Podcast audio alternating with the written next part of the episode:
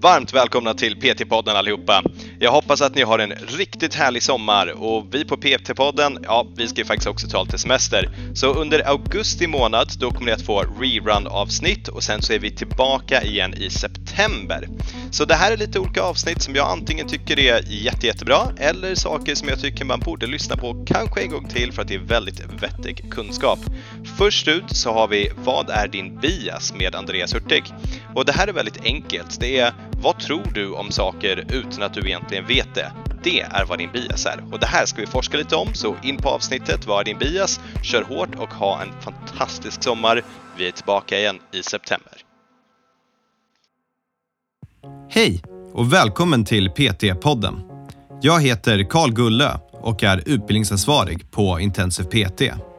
Vi har utbildat personliga tränare sedan 2012 och vill hjälpa så många människor som möjligt till en aktiv och hälsosam livsstil. I varje avsnitt kommer vi att prata med olika människor om träning, hälsa och entreprenörskap.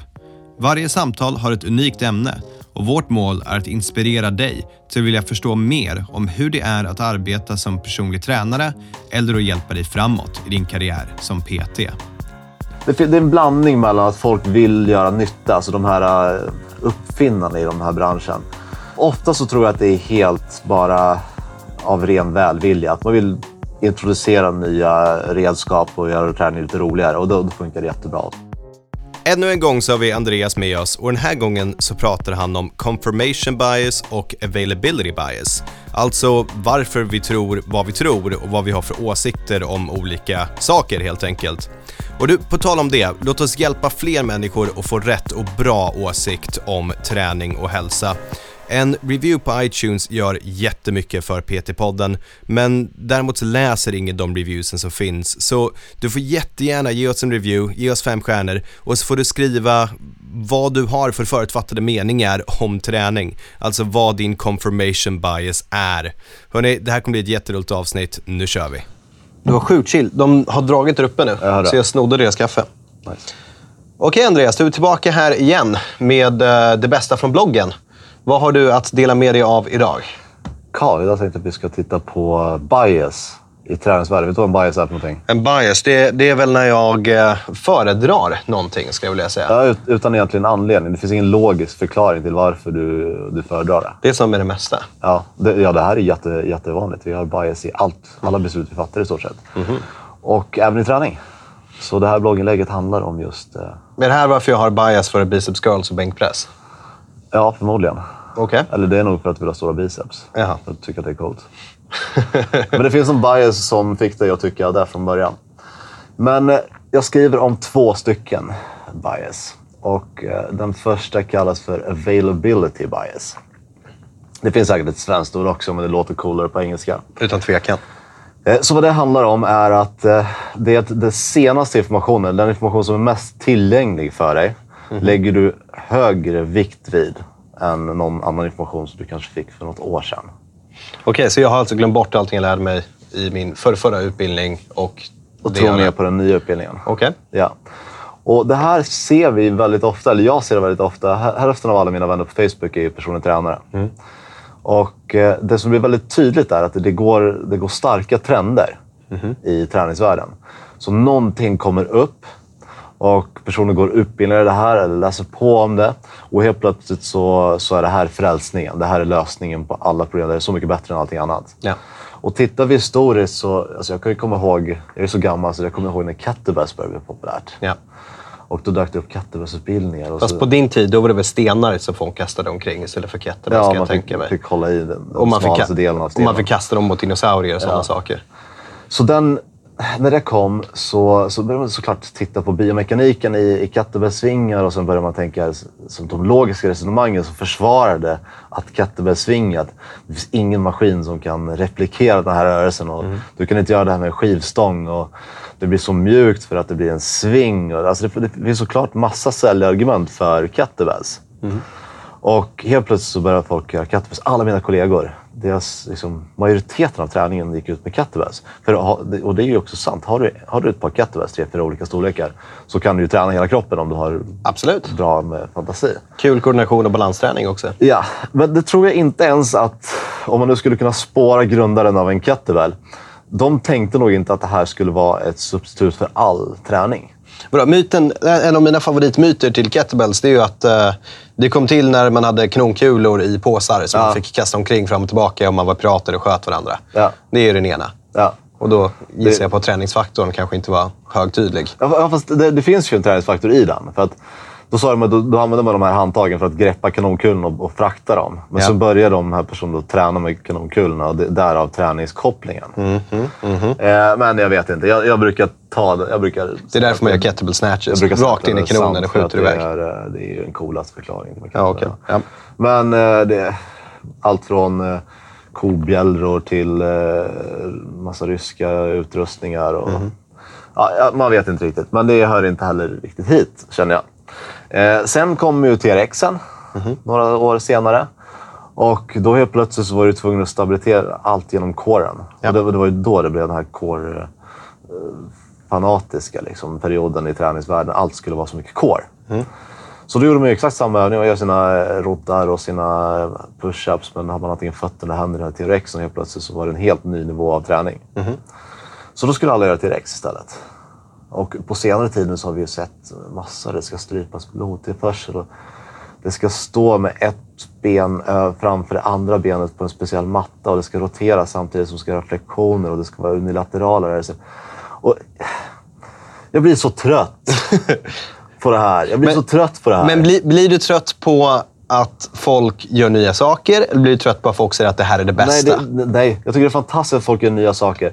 Det jag blir trött på, det är att antingen att de presenterar det som att det här är bättre än allting annat. Och det här ska inte vara ett komplement, utan det här ska vara istället för. Det ska man inte göra. Och jag blir trött på personer som tror, även om man får en, en komplett alltså, översiktsbild på det i sin utbildning och säga att kettlebells ska du bara göra. Du kan köra ett rent kettlebellspass en gång i månaden för att det är kul. Eller du kanske har det som ett komplement till din träning när du gör din ryggträning. Det är fine. Men om, om någon tror att jag ska bara köra kettlebells, jag ska bara köra den här Surge 360. Det blir inte bra. Nej.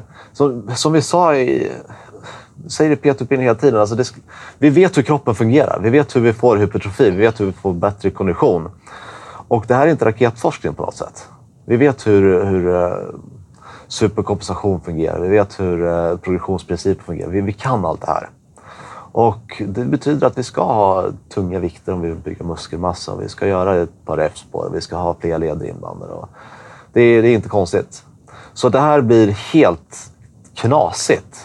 När folk har en massa konstiga åsikter om Men är det inte bara det man blir intresserad av? Det där? Alltså, om jag som personlig tränare som har gjort det här i tio år hittar en ny träningsform som jag tycker är skitkul.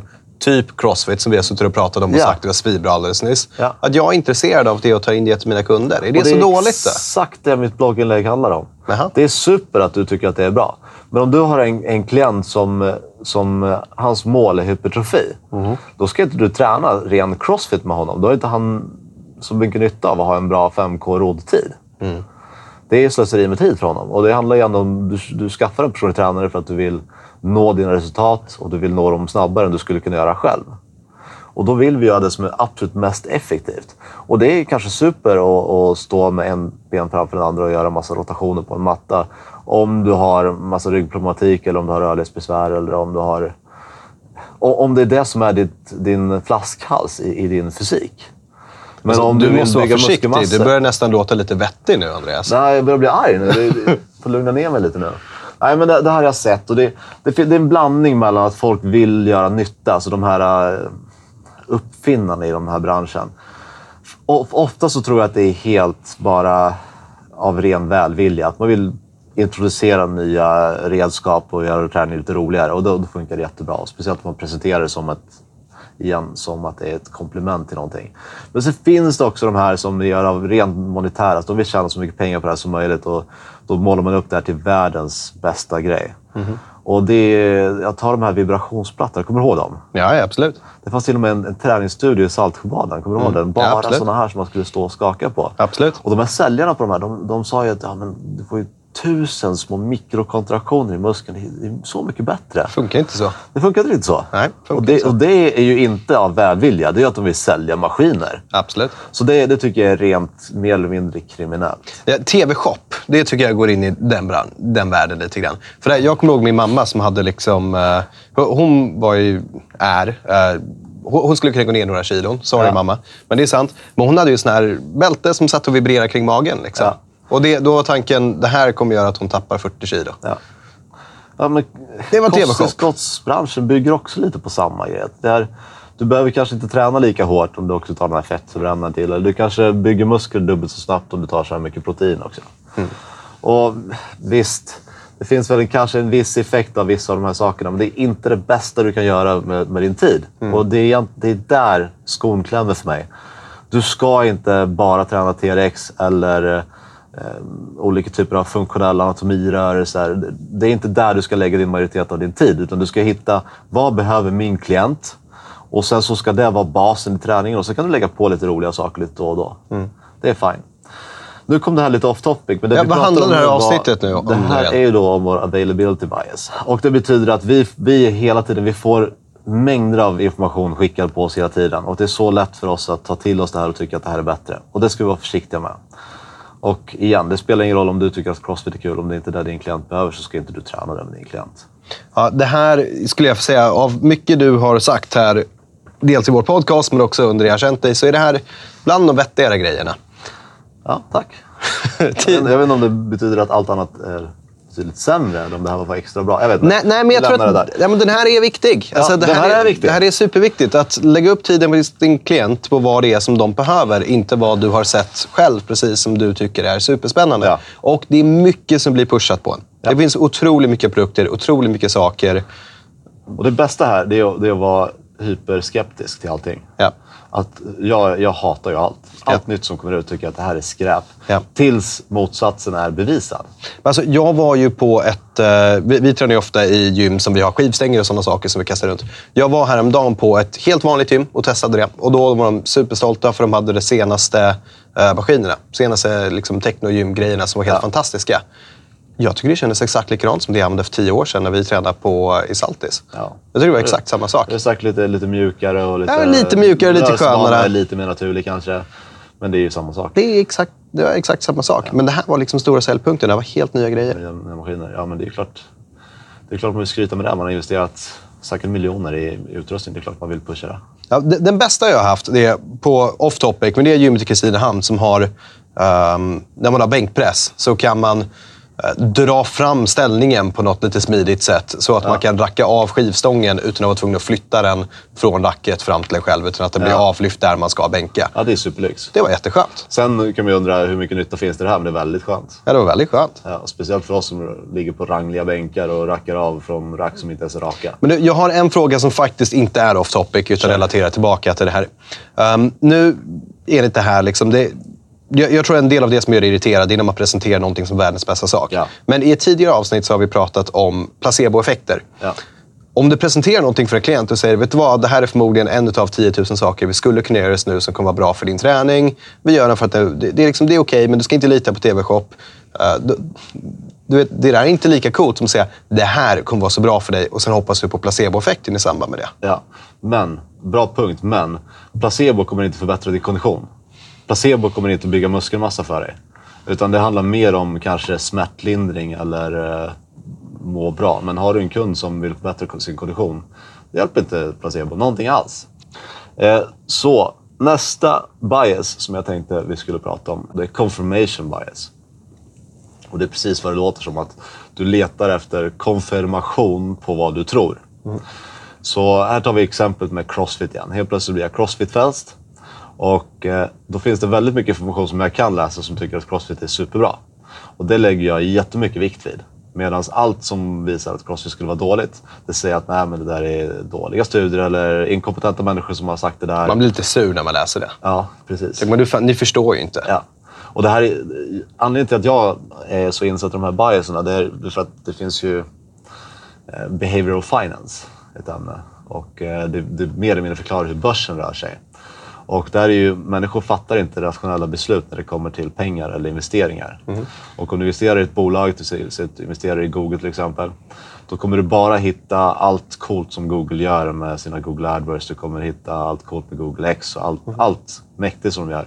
Medan allt det här om att de blir bötfällda, att de blir eh, dömda för att de mer eller mindre har monopol, det kommer du bortse ifrån. Och det är en confirmation bias, för det känns så mycket bättre för dig att veta att jag, gjorde rätt, jag fattade rätt beslut när jag investerade här. Och det, det får jag av den här informationen. Och det är exakt samma med träning. Hittar jag någonting som jag tycker att det här är bra, då kanske jag bara tittar på vilka positiva effekter jag får av den här typen av träning, den här typen av kosten. Och jag bryr mig inte om att jag kanske sover sämre eller att jag kanske har ont i mitt knä också. Utan jag, jag snöar in på precis det som jag, som jag gör. Det är väldigt sällan om man ska köpa en ny bil som man söker på varför är den här bilen dålig. vilket exakt. kanske är det första man borde söka på i sånt fall. Men hur mycket finns det då på varför är TRX dåligt? Nej, det, det betyder absolut inte att vara dåligt. Det, det, allt kommer tillbaka till det här. Hur, vad är det bästa för mig att spendera min tid på just nu? Och ofta kommer svaret inte vara TRX. Det betyder inte att TRX är dåligt. Det betyder att det förmodligen är mindre effektivt för det du vill uppnå med din träning just nu.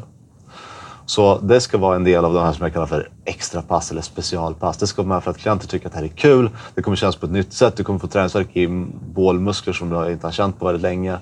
Och, och det i sin tur kommer leda till att, att klienter tycker att det är kul och den kommer tycka att det här var superbra. Mer övningar som jag inte har gjort förut. Och Så det, det, det har sin, alla de här sakerna har sin plats. Så inget av det här ska på något sätt bort. Ju mer verktyg vi har som PT, desto bättre. Det är att vi måste vara medvetna om de här biasen. Att, att hela tiden försöker vår hjärna lura oss att vi, att vi vet mer, att vi kan mer, att vi hela tiden fattar rätt beslut. Vi ska vara skeptiska till all information, vi ska vara skeptiska till vad vi vet, vi ska vara skeptiska generellt. Men det var väl så här vi la upp första gången vi skulle göra en podcast. Vilket inte är den här podcasten, för den finns inte. Då var ju avsnitt där vi satt tre personer, så hade vi ett ämne. Så skulle en person motivera varför någonting var bra, en person skulle motivera varför någonting var dåligt. Ja. Det är väl tanken bakom det. Så man fick olika åsikter och olika inflikningar om Ja, det. det, det, och det är ju enkelt. Det är superenkelt. Att vi kan ha olika åsikter om hur man ska göra marklyft till exempel. Ja. Det är superenkelt. Det som är svårt är när det bara är jag och jag har bara mig själv att argumentera mot. Så jag måste gå till botten med vad min åsikt är eller vad, vad min ståndpunkt är på vissa ämnen. Och då måste jag kunna ifrågasätta mig själv och det är svårt. Jag kan ifrågasätta dig väldigt enkelt men ifrågasätta mig själv är mycket svårare. Ja. Så det, därför de här biaserna är så, så svårdödade. Så eh, vad sägs som ett förslag till de som jobbar där ute och har lite kollegor? Att sitta ner en gång i månaden och bara... Alla ska ha förberett någonting och sitta och argumentera vad ska vara mer optimalt eller mindre optimalt. Exakt, man kanske sak. till och med kan göra det som att du ska prata om positiva effekter av marklyft och jag ska försöka hitta dåliga saker med marklyft. Ja. För då blir det en riktig diskussion. Annars blir det lätt att bara folk lyfter upp det de tycker är bra. Ja, precis. Man får förbereda sig lite. Ja. Ja. cool. Det kanske blir en bra idé till nästa podcastavsnitt. Varför inte?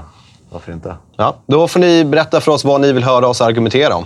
Får ni skicka in det på, på podcasten eller på vår Instagram och berätta vad vill ni höra mig och Andreas argumentera. Vad Och jag vill vara den som är skeptisk. Jag vill vara motståndaren till det här, vad det än är. Ja, det Så känns ju jag- som det. Jag är lite mer happy-go-lucky Karl Ja. som tycker allt är jättebra och fantastiskt och vill att alla ska vara glada och må bra. Usch. Och du är grinchen. Usch.